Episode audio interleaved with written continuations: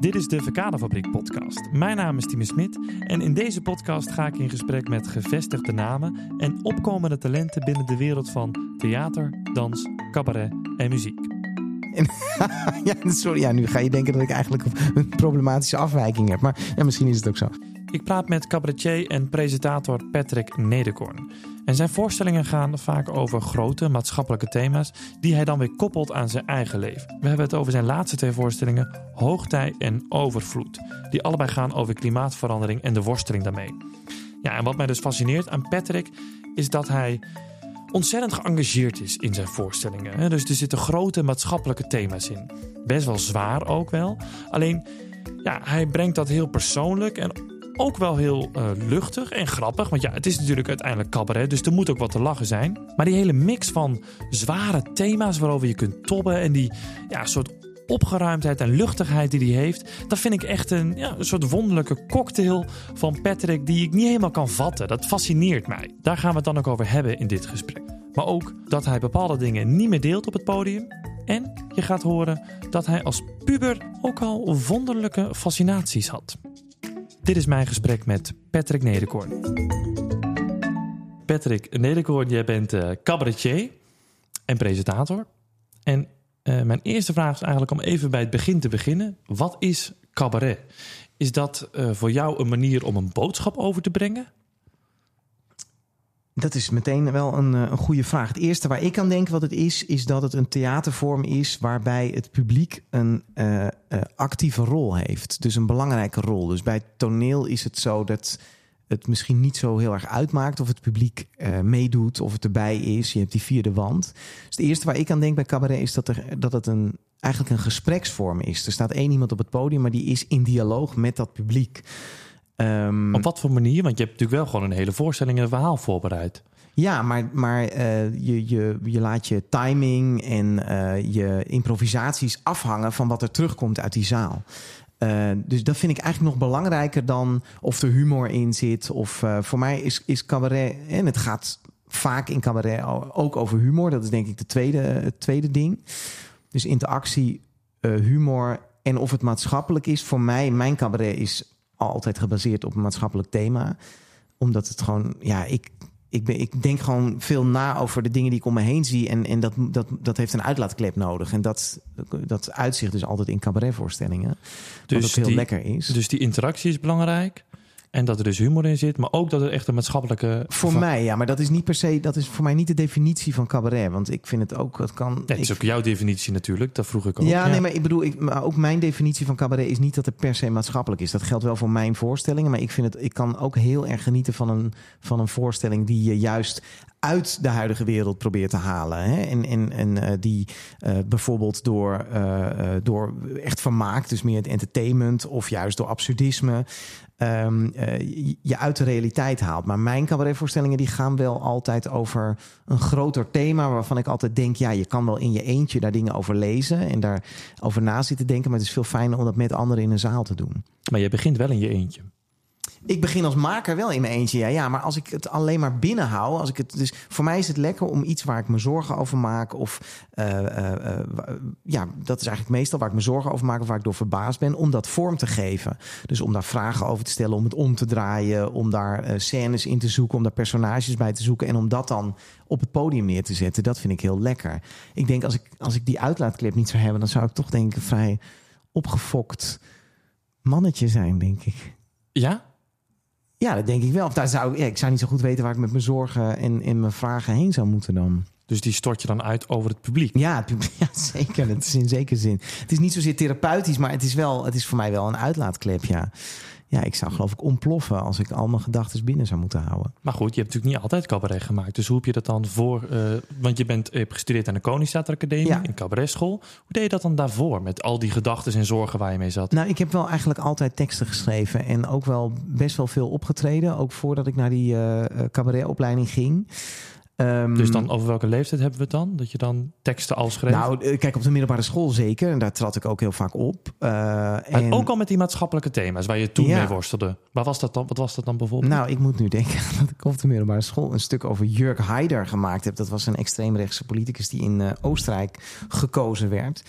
Uh, en dan deed ik ook mee aan, aan de kunstbende en zo. En ik, ik moest daar laatst aan denken, omdat ik het wel verrassend vond dat op dat moment de Oostenrijkse politiek voor iedereen wist wel wat daar gebeurd was. Ik vraag me af of nu ik, zou, ik weet zelf helemaal niet wie nu in Oostenrijk aan de macht is. Dus blijkbaar was, dat, was het toen iets meer focus Extreem voor rechts misschien in Oostenrijk? Ik weet het niet. Voor mij een beetje rechts, dacht ik. Maar in ieder geval, uh, maar, uh, voor welke leeftijd hebben we dan? 16? 16 of, ja, ja. En toen maakte jij een voorstelling over een extreemrechtse... Politicus in Oostenrijk, ja. En, ja, sorry, ja, nu ga je denken dat ik eigenlijk een problematische afwijking heb. Maar ja, misschien is het ook zo. Maar dat is dus, ja, dat is altijd wel zo geweest. Speelde het ook bij je klasgenoten dan op dat moment? Of was het echt iets waar jij nou, in ieder geval wel bij de. Want ik heb met de, bij de kunstbende daar nog een prijs mee gewonnen met dat optreden. En, uh, dus... Die vonden het wel terecht dat je daar een voorstelling over maakte, over extreemrechtse Nou, het ging over. Het was toen eigenlijk voor het eerst dat er in Europa een extreemrechtse partij de grootste was geworden, als ik me niet vergis. En het ging toen over. Mag koningin Beatrix nog wel gaan skiën in Oostenrijk? dat in Leg. ja, in Leg inderdaad. Precies. Nou, ja, ja ik ben koningshuisfan, dus ik weet precies oh, wat oh, ze is. Ja, nou ja, dus dat, Was, dat was die hele discussie. En ik, vind het zo, ik vond dat zo'n geestige vraag. Dat dat, dat, was de, dat dat de vraag was. Allereerst dat dat ons protest zou zijn. Dat we zeggen, nou, nu gaat de koningin niet skiën hoor bij jullie. Dat al die Oostenrijkers dan zouden dat zeggen... daarom nou, gaat Oh, sorry jongens, dan gooien we hem eruit. En eh, dus dat vond ik interessant. Maar ik vond ook die politieke omslag interessant. En dat, dat speelde toen echt wel. Volgens mij waren er veel mensen mee bezig. Ja, en dan, dan is dus mijn vraag van ja, wat kun je daar dan mee doen? En volgens mij heb ik toen, maar dat weet ik niet meer helemaal... heb ik een voorstelling gemaakt waarin ik op een terrasje zat in een dorp in Oostenrijk en Jurk Heider voorbij zag, zag lopen en met hem in gesprek raakte. Ja, precies. Ja. Dat vind, ik dan, dat vind ik dan grappig. Ja. Kijk, ik ben daarna ook politicologie gaan studeren. Dus ik, ik vind die politieke wereld mega interessant. En dat, dat zit nu ook in mijn voorstelling. Hè. Dus ik heb een voorstelling met Jan Beuving gemaakt over de Belastingdienst en het toeslagenschandaal. Uh, ik, uh, ik, ben nu bezig om een voorstelling over Zelensky te maken met de theatertroep. dus, dus dit soort thema's zijn, ja, dat zijn altijd dat, dat is voor mij altijd het beginpunt om, om voorstellingen uit te maken. Ja. En wat, wat, wat is dan het beginpunt? Is dat bijvoorbeeld bij die voorstelling toen je 16 was, was dan het beginpunt eigenlijk de grap? Oh, uh, er is extreemrechts politie aan de macht en nu willen we Beatrix er niet meer naartoe sturen? Of hoe begint die eerste gedachtespinsel?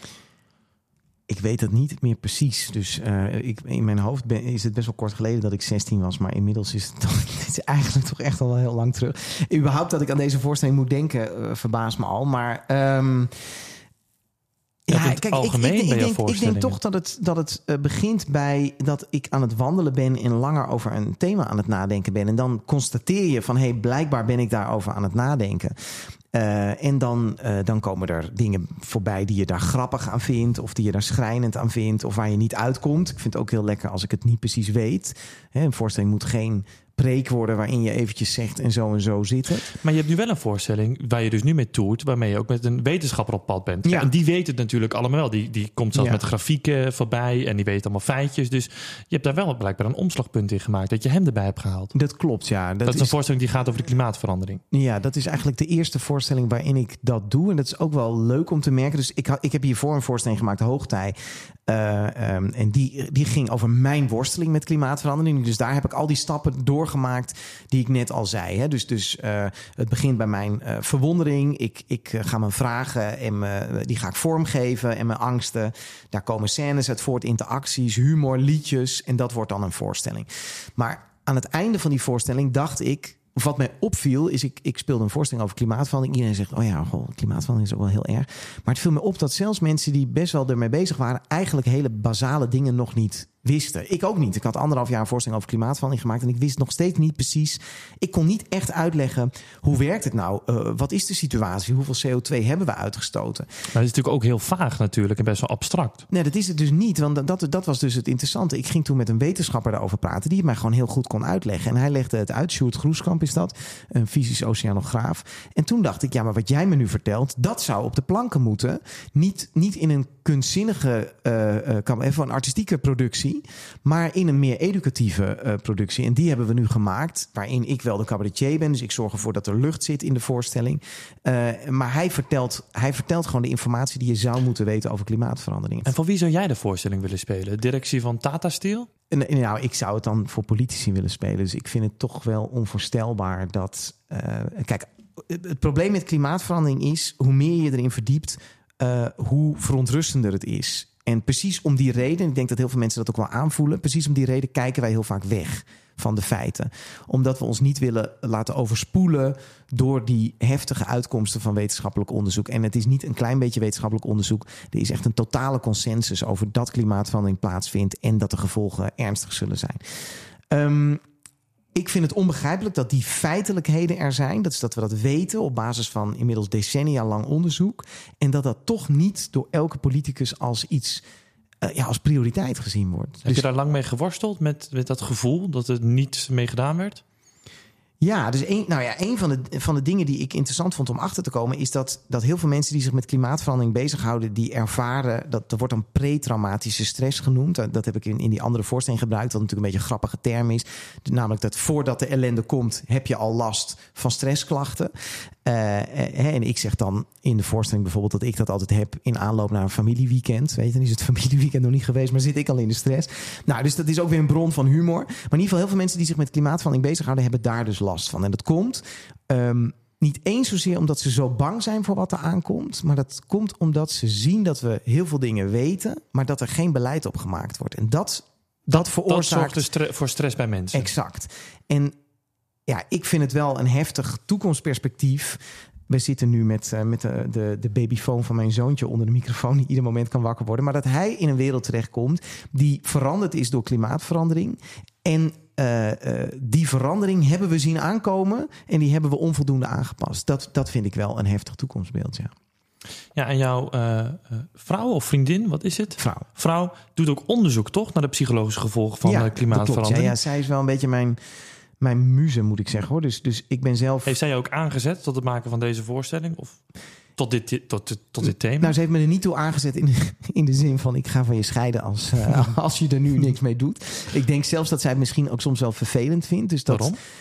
Nou, zij komt met ideeën, met, met, zij, zij is ergens mee bezig. En, ik ben een soort spons. Dus ik denk dan opeens, goh, wat interessant. Daar zou je dit en dit mee kunnen doen. En dan, ga ik daar een voorstelling van zitten maken. Nee, wat zij, wat zij gedaan heeft, denk ik, is zij, zij heeft mij wel geïntroduceerd in dat thema van klimaatverandering. Dat is één. En twee, heeft ze mij wel aangezet, denk ik, om geëngageerdere voorstellingen te maken. Omdat ik dat... Nog geëngageerdere voorstellingen? Want als ik kijk naar wat jij gemaakt hebt. Je hebt bijvoorbeeld ook een voorstelling gemaakt over jouw politieke verleden. Je hebt bij D66 gezeten en de lokale partij, jouw Amersfoort. En van D66 was je zelfs fractievoorzitter. Dus dat heb je meegenomen naar een voorstelling. Dat is ook best wel geëngageerd, nee, dus toch? Dat gaat ook over iets. Het, het, was altijd wel geëngageerd, maar ik denk dat ik... Um... Een 16-jarige Patrick begon met een voorstelling over een extreemrechtse politicus. Ja. Dus er zit best wel veel engagement in. Ja, maar misschien dat ik toch nog wel vrij um, beschouwend of zo in die voorstellingen was. Snap je? Dus dat ik mezelf nog wel een beetje uit het thema haalde. Dat kon inderdaad niet zo bij die politieke voorstelling. Maar nu durf ik wel, denk ik, meer na te denken over wat doet het met mij? Wat vind ik er echt van?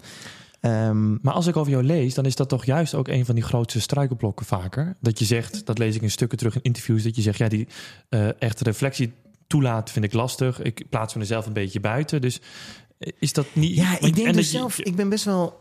Um, nou, ik ben niet oppervlakkig of zo, maar ik, ik merk dat ik wel anderen vaak nodig heb om mij de ernst van dingen echt op me door te laten dringen. Ja. Dus ik ben een vrolijk iemand die, die speels, die, die snel uh, denkt: oh, dit is leuk, dat, dat gaan we doen of zo. En ik denk dat zij iemand is, zij is veel meer een denker. Uh, en dat zij me er wel toe aangezet heeft om, om, uh, om sommige onderwerpen echt binnen te laten komen. Maar je bent dus ook degene, dat zeg je net, die ook rond kan wandelen en na kan denken over een thema en echt kan tobben en zorgen kan hebben. Maar dat is dan al aangezet door iemand anders. Ja, ik bedoel eigenlijk niet eens zozeer dat ik er zo diep over na zit te denken. Maar dat ik me, het me gewoon afvraag. Kijk, die volgende voorstelling die ik aan het maken ben, die gaat over de wolf. Ik kwam hier wonen.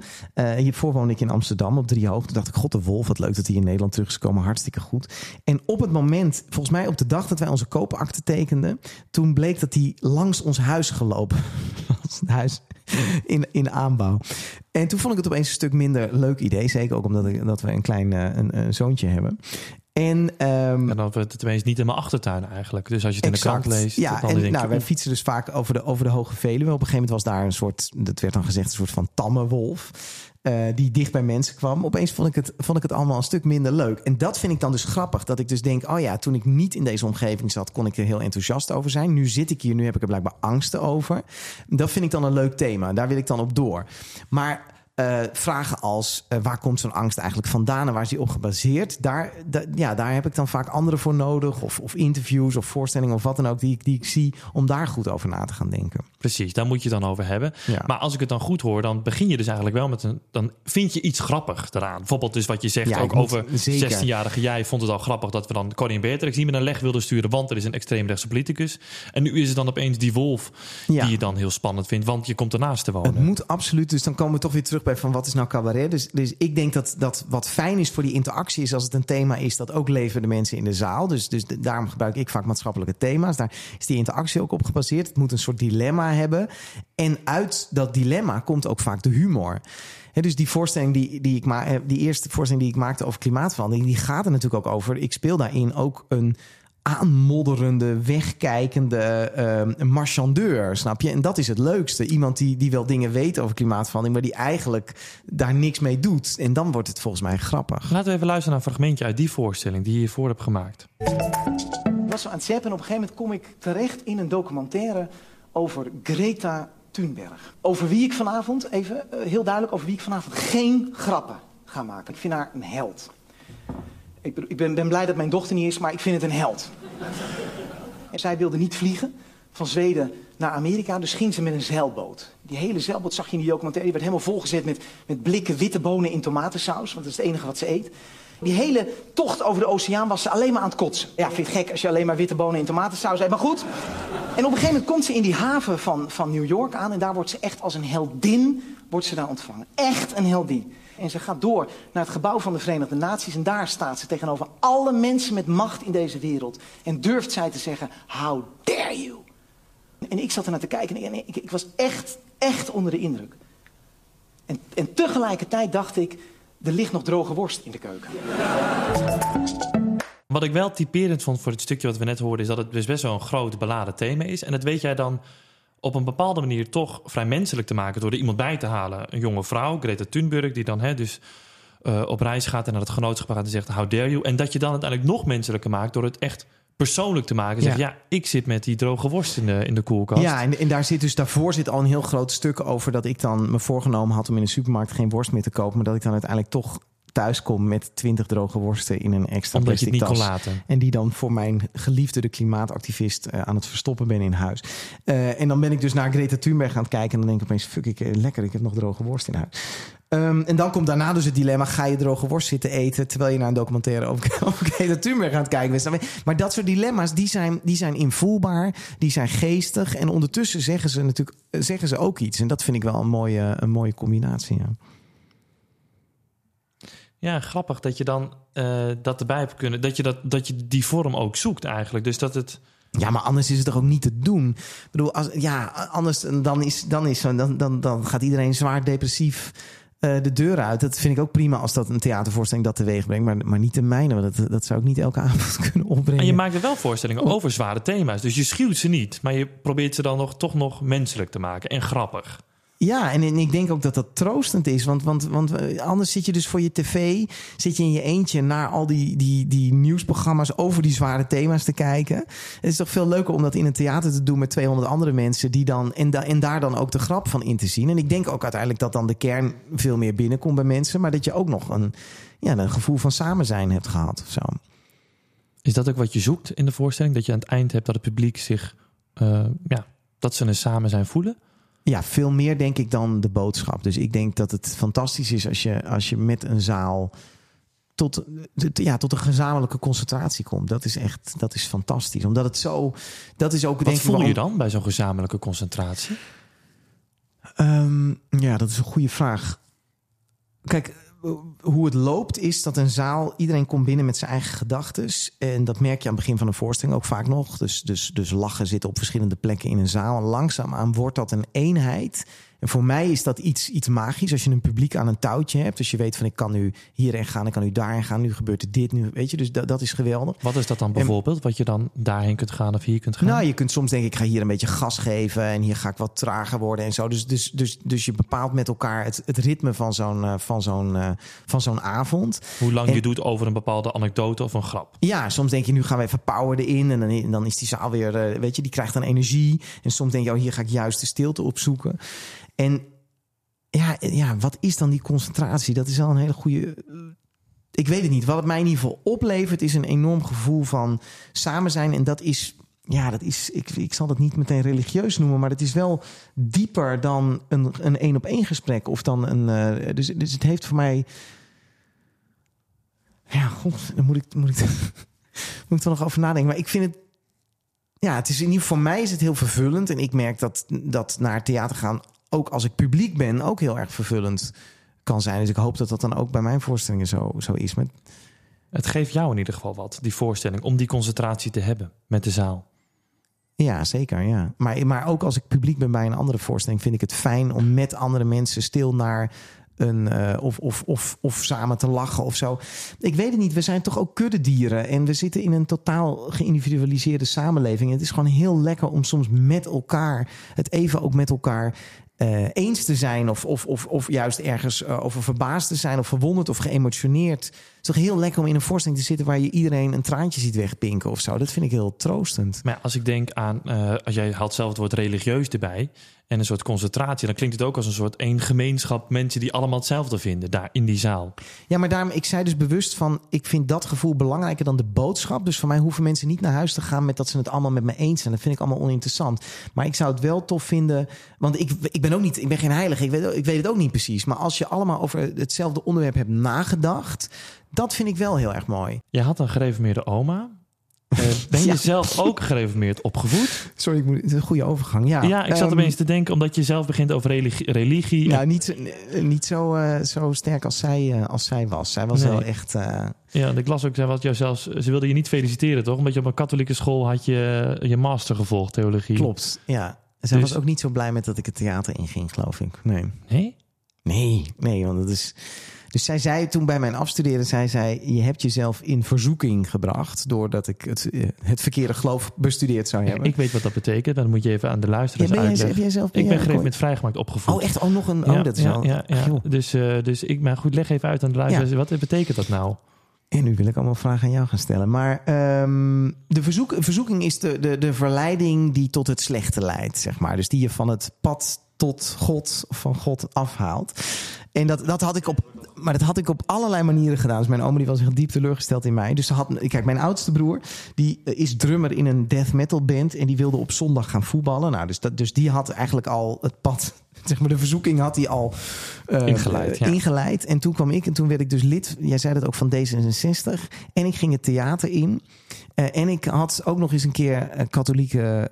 dus, dus na politicologie heb ik een, een, op, een master katholieke theologie gedaan. Dus het was wel. Jij met- hebt het haar wel moeilijk ja, gemaakt, met mij zou het niet meer goed komen. Nee, dat was wel duidelijk. De koektrommel. Of het nu een hele diepe gedachte is, een inspirerende quote of een prikkelende fantasie, een voorstelling ontstaat in het hoofd van een maker. En iedere maker laat zich hierbij op een andere manier inspireren en voeden. Van het hele proces krijg je als publiek weinig mee, terwijl er zoveel interessants broeit in de gedachten van mijn gasten. En daarom stel ik in elk gesprek de vraag: Waarop koude jij tijdens het maken van je voorstelling? Wat was nou dat kleverige koekje dat bleef plakken tussen je tanden en de kern werd van je voorstelling? Of die het vuur deed aanwakkeren om juist hier een stuk over te maken? Nou, mag je over nadenken. Gaan we later op terugkomen aan het einde van de podcast. Ik overval je ermee, hè? Ja, ik zie je nu heel erg Maar waarom heet nadenken. het koektrommel? Maar oh, dat gaat allemaal in de Dat gaat allemaal uiteindelijk in de koektrommel. Ja, precies. Dat gaat allemaal in de koektrommel. Dat neem ik mee Ja. uiteindelijk. En dan, eh, dat, eh, en dat ga je dan uiteindelijk terugvinden ook in de verkadefabriek. eh, in de restaurant ga je allemaal die koekjes terugvinden met allemaal quotes Met van, allemaal eh, ja, van de theatermakers en de regisseurs en de makers die ik Ach, allemaal spreek. Waar zij allemaal op gekoud hebben tijdens het maken van hun voorstelling. Oké. Ja, ja, ja. Ja, ja, maar het is meteen een stuk luchtiger nu we het over de koektrommel hebben dan. eh, Mag dan ook wel we eens toch? Nou, ja. jij bent er ook aan op zoek naar de luchtigheid. ja, dat is ook waar. Dat is ook, ja, ja. Nou, dus denk daar even goed over na. Maar had je wel eens je oma in je achterhoofd dat je denkt: oh ja, moet ik deze stap wel zetten? Of kun je dat volledig loslaten? Ehm, als je het hebt over stemmen in je hoofd van anderen die, die, ehm, eh, die, die zeg maar iets zeggen over je maakproces. Daar heb ik nog wel één andere, ander verhaal over wat misschien interessant is om te vertellen. Ik heb ooit een voorstelling gemaakt over mijn lief die mij ten huwelijk eh, heeft gevraagd. Niet zo ver hier vandaan trouwens. De vrouw met wie je nu samen met wie bent. ik samen ben. En ehm, eh, de- dus ik, ik had daar een voorstelling over gemaakt. En het kwam mij wel goed uit dat, dat ze me op een andere plek ten huwelijk had gevraagd in de voorstelling dan, eh, dan eh, in het echt. Maar wat er gebeurde was dat iedereen die naar die voorstelling kwam kijken en ons kende, die zei dan tegen haar van goh, wat leuk dat je hem daar en daar ten huwelijk hebt gevraagd. Maar dat was een totaal andere plek. En zij zei toen wel, ze zei, je, je mag voor mij eh, over alles voor, eh, voorstellingen maken, maar realiseer je wel dat je door het publiek te maken ook een beetje mijn verhaal van me afneemt, snap je? Want dat wordt namelijk het nieuwe verhaal. En, en dus dat is eigenlijk het tweede. Dus het eerste wat ik wilde zeggen is... ik geloof niet dat ik tijdens het maakproces enorm bezig ben... met stemmen in mijn hoofd van wat mag je doen en wat mag je niet doen. Tegelijkertijd probeer ik wel iets zorgvuldiger te zijn... als een verhaal echt over iemand gaat. Dat... ehm, dat, ik daar, dat het niet alleen maar mijn verhaal wordt. Dus dat ik ook een, dat ik het verhaal wel serieus probeer te nemen. En niet alleen maar de- denk, oh, ik mag alles van de ander gebruiken. Want je staat toch ook op een podium. En je hebt toch ook een bepaalde vorm van, van macht. Ik vind dus eigenlijk dat in die verhalen dat het over mij moet gaan. Snap je? Over mijn worsteling, over wat ze. In plaats van dat ik nog een appeltje te schillen heb of iets te vereffenen heb met die ander. Begrijp je? Dus dat is. Dus ik, ik wil wel rekenschap hebben over dat ik een podium heb en wat ik op dat podium doe. Wat ik interessant vind dat je ik zegt... dat het te volgen is voor mensen. ja, maar goed, en, nou, ik hoop het ook. Ja. En eh, anders Ja, precies. doorklikken. Ja, moeten Maar- naar de tweede aflevering. Ja, wat ik interessant vind is dat je zegt dat het eh, om, om jouw verhaal moet gaan eigenlijk, om jouw ik. Maar dat je dus wel op zoek bent naar die gezamenlijke concentratie met het publiek. Dat zij eh, ja, mee gaan voelen. Ja, maar dat, dat, is- dat is, vind ik eigenlijk heel logisch. Want ehm, kijk, ik denk dat eh, degene die op het podium staat, is, een, is dus ook een soort van medium of zo, snap je? Dus, dus, dus Die zendt. Die zendt ja, nee, uit. ik bedoel meer, of ja, misschien niet een medium, maar ehm, ik denk dat de dingen die ik mij afvraag, of die mijn personage op het podium zich afvraagt, dat dat dingen zijn waar je je als publiek in, in kan herkennen, of in ieder geval mee kan empathiseren. Ehm, dus ja, dat hoeft niet letterlijk mijn verhaal te zijn, als je dat bedoelt. Snap je? Of dat, dat, dat is volgens mij.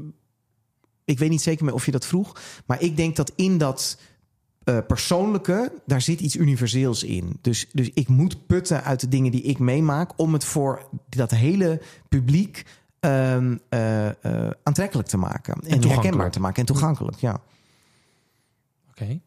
Ehm, ja, nee. ik zie jou heel moeilijk kijken. Ja, Ja, ik zit erover na te denken. Omdat ik het zo fascinerend vind dat je... Ja, je wil dus het herkenbaar en toegankelijk maken. Ehm, en je zou daar ook misschien ook makkelijke verhalen, gezellige verhalen kunnen vertellen. Want dat herkennen we allemaal. En ergens kies je dus ook voor persoonlijke anekdotes. Hè, met die droge worst. En misschien zal het niet helemaal zo precies gebeurd zijn. Maar dan maak je in ieder geval een verhaal wat Mhm. we allemaal kunnen herkennen. Maar dat er toch zo'n drive onder zit om ook de zware kost daarin mee te nemen. Hè? Je begint al op je zestiende met een voorstelling Ja. over die eh zwaar rechtse politicus.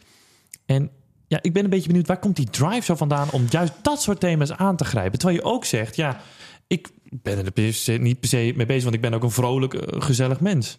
ja, tuurlijk. Maar ik denk dat de lach het. Kijk, eh, lachen na een uitvaart is toch, dat is toch de allerfijnste lach die er is, toch? Dus dat je iets heel ergs hebt meegemaakt en dat je dan een grap maakt over, bijvoorbeeld over degene die net begraven is, waarvan je denkt, oh, het kan eigenlijk echt niet, maar ongelooflijk grappig. Een lach Ja, van ik- ontlading. Ja, van ont- ontlading, van bevrijding. En, maar dat is natuurlijk ook, als jij zegt van wat is cabaret? Cabaret is natuurlijk ook suspense opbouwen en dan, en dan ontlading creëren. En dat is, dat je is hoe je het opbouwt, op. natuurlijk. En, en dat doe je eh, vaak door, door dilemma's, door zwaarte. Door, dat, dat is wat je, wat je daar, daarvoor gebruikt.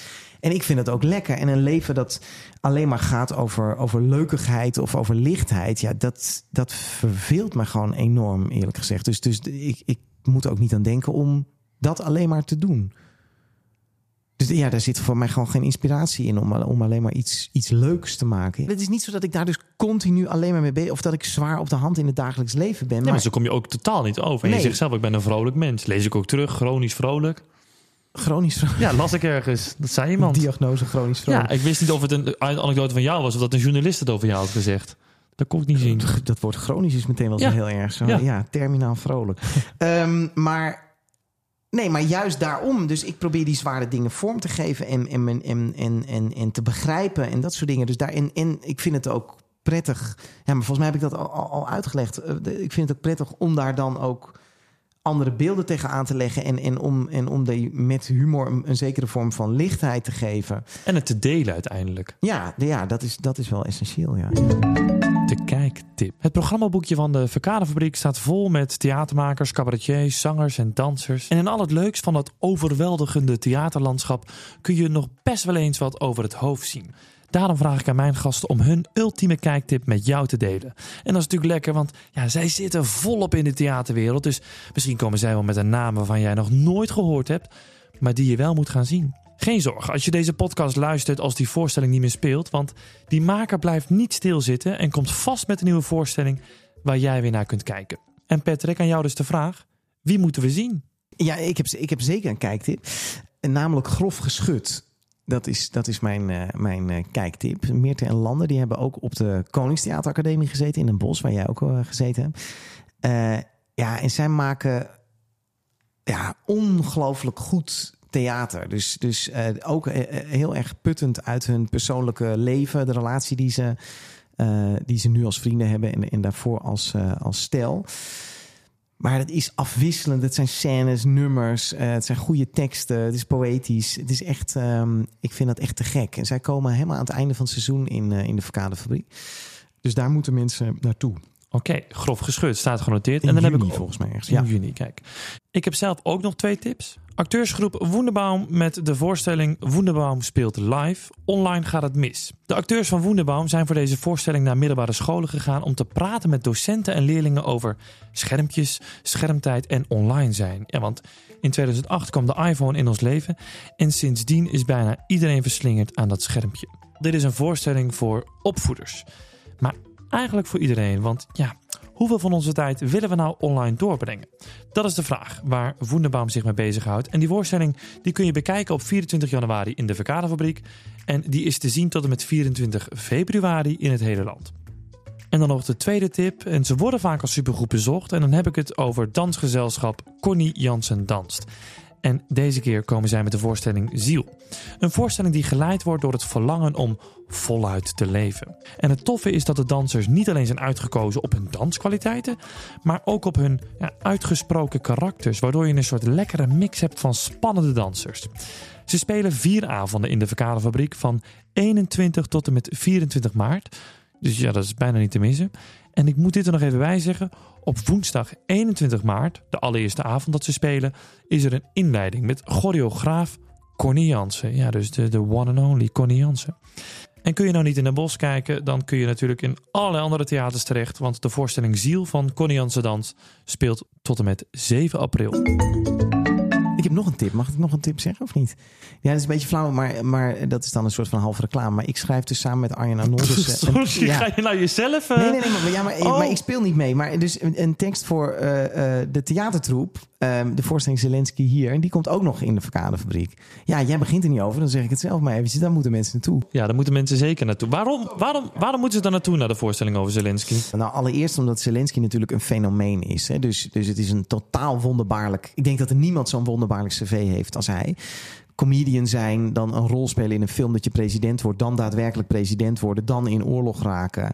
En, en daarvoor eigenlijk helemaal niet zo populair zijn, maar dan ook nog eens een keertje uh, enorm uh, uh, goed zijn, in ieder geval voor de moraal in het land. Dat is één. Twee moet je vanwege de theatertroep. Dus dat is de enige toneelgroep in Nederland die vaudeville maakt. Dus dat is enorm af, ja, is een genre waarin je snelle liedjes, scènes afwisselt. Het is eigenlijk wat vroeger vaak op de parade gespeeld werd. Dat, zij hebben ook, spelen ook vaak op de parade. Maar dat type voorstelling. Um, nou, dat vind ik al twee hele goede redenen. En waar zit voor jou de grap in bij Zelensky? Waar zit de luchtigheid in? Nou, dat, dus wat wij doen is, wij proberen dus... Hij was comedian bij Kwartal 95... wat eigenlijk ook een soort vaudeville-achtige groep was. Um, of is, bestaat nog steeds, maar hij zit er natuurlijk niet meer in. En wij proberen in die stijl een voorstelling over zijn leven te maken. Dus dat betekent dat de afwisseling erin zit. Dus we gebruiken comedy, we gebruiken liedjes, we gebruiken scènes. Daarin zit heel veel humor. Um, dus we gaan bijvoorbeeld uh, het, het, het, hele conflict tussen Rusland en, en Oekraïne... hebben we in een, een comedy setting gemaakt... waarin Angela Merkel bij de geboorte van Poetin is... waar Yeltsin ook is. Dus dat, dus dat zijn allemaal dingen die je die je, uh, die je wel uh, komisch kan vormgeven. En het is inhoudelijk natuurlijk een mega belangrijk onderwerp. Snap je? Er is een, een oorlog uh, op ons continent. Um, he, de, de, grens met Oekraïne is dichterbij dan de grens met Spanje. Het is, het is vanuit Nederland, het is echt ongelooflijk dichtbij. En waar kan je nu al om gniffelen bij die voorstelling over Zelensky? Oh, om, enorm veel. Nou, een van de dingen waar ik om kan gniffelen is Um, Zelensky die belt elke dag met zijn moeder. Maar net voordat de oorlog uitbrak, belde hij ook elke avond met Boris Johnson. En wij hebben een scène geschreven waar. Hij belde elke avond met Boris Johnson. Ja, Waarom? nou ja, omdat er, zat een oorlog aan te komen. Dus, was nogal, hè, dus de, de, de, de, spanning was nogal hoog. En wij hebben een scène geschreven waarin hij de hele tijd gebeld wordt. Maar dat is dan afwisselend zijn moeder en Boris Johnson. Hij wordt op een gegeven moment helemaal gek. En dan zegt hij op een gegeven moment tegen zijn moeder: Donder nou toch op, je belt de hele tijd door de gesprek. En dan blijkt het Boris Johnson al te zijn. En dat speelt Patrick Duitshoff van de theatergroep zo geniaal. Nou, daar kan ik me enorm op verheugen. Ja, het is wel grappig. Er zit dan weer die uh, maatschappelijke kant in. Hè? Die, dat ja. belangrijke, zware onderwerp. En toch ook weer die luchtigheid. Dat ja. moet er altijd voor jou in zitten. Ja, en, en, en, ook, en ook qua uitkomst hetzelfde. Dus ik vind het tof als je als je daarna re, ja, realiseert hoe heftig een, een oorlog ook is. En dat het zo dichtbij is. En daar jezelf vragen over stelt. En tegelijkertijd dat je, dat je genoten hebt van wat je, wat je gezien hebt. En ja, die combinatie vind ik het mooiste als dat in het theater plaatsvindt. Oh, wat is jouw zoon? Dat is mijn zoon. Oh, ik zit er niet wat hoor ik? Ja, dat is jouw zoon natuurlijk. Ja. Roept hij nu papa? Ja, ja papa roept. Ja, ik Dan moet je even bij de microfoon houden. Hoor je ja. hem? Ik ben wakker. Ik ben wakker. ja, uh, dit was dus mijn gesprek met Patrick Nederkoorn. En die werd dus een beetje ruw onderbroken door zijn zoon. Die wilde ook graag uh, meedoen met het gesprek. Nou, dat is hem gelukt. Alleen uh, daardoor konden wij het gesprek niet meer afmaken. En heb jij nog een antwoord te goed op de vraag wat Patrick in die koektommel gaat stoppen? Waarop heeft hij gekoud tijdens het maken van zijn voorstelling Overvloed? Nou, dat heb ik nog even gevraagd aan hem en het heeft hij opgestuurd in een audio-appje. En dit zei hij. Ja, die voorstelling Overvloed die maak ik dus samen met, met een wetenschapper, met Sjoerd Groeskamp. En bij het maken van die voorstelling heeft, eh, ja, is eigenlijk één vraag die ons de hele tijd heeft bezig gehouden. En dat is wat is de, de perfecte balans tussen de inhoud uh, en de vorm? En om te zien of het gelukt is met die perfecte balans tussen vorm en inhoud, dan moet je gaan kijken naar de voorstelling Overvloed van Patrick Nederkoorn en wetenschapper Sjoerd Groeskamp. Abonneren op deze podcast kan, dan ben je als eerste op de hoogte van een nieuw gesprek. En het zou ook superleuk zijn als je een beoordeling achterlaat door middel van eh, heel veel sterren. En deel deze podcast ook vooral met de mensen om je heen. Dankjewel voor het luisteren.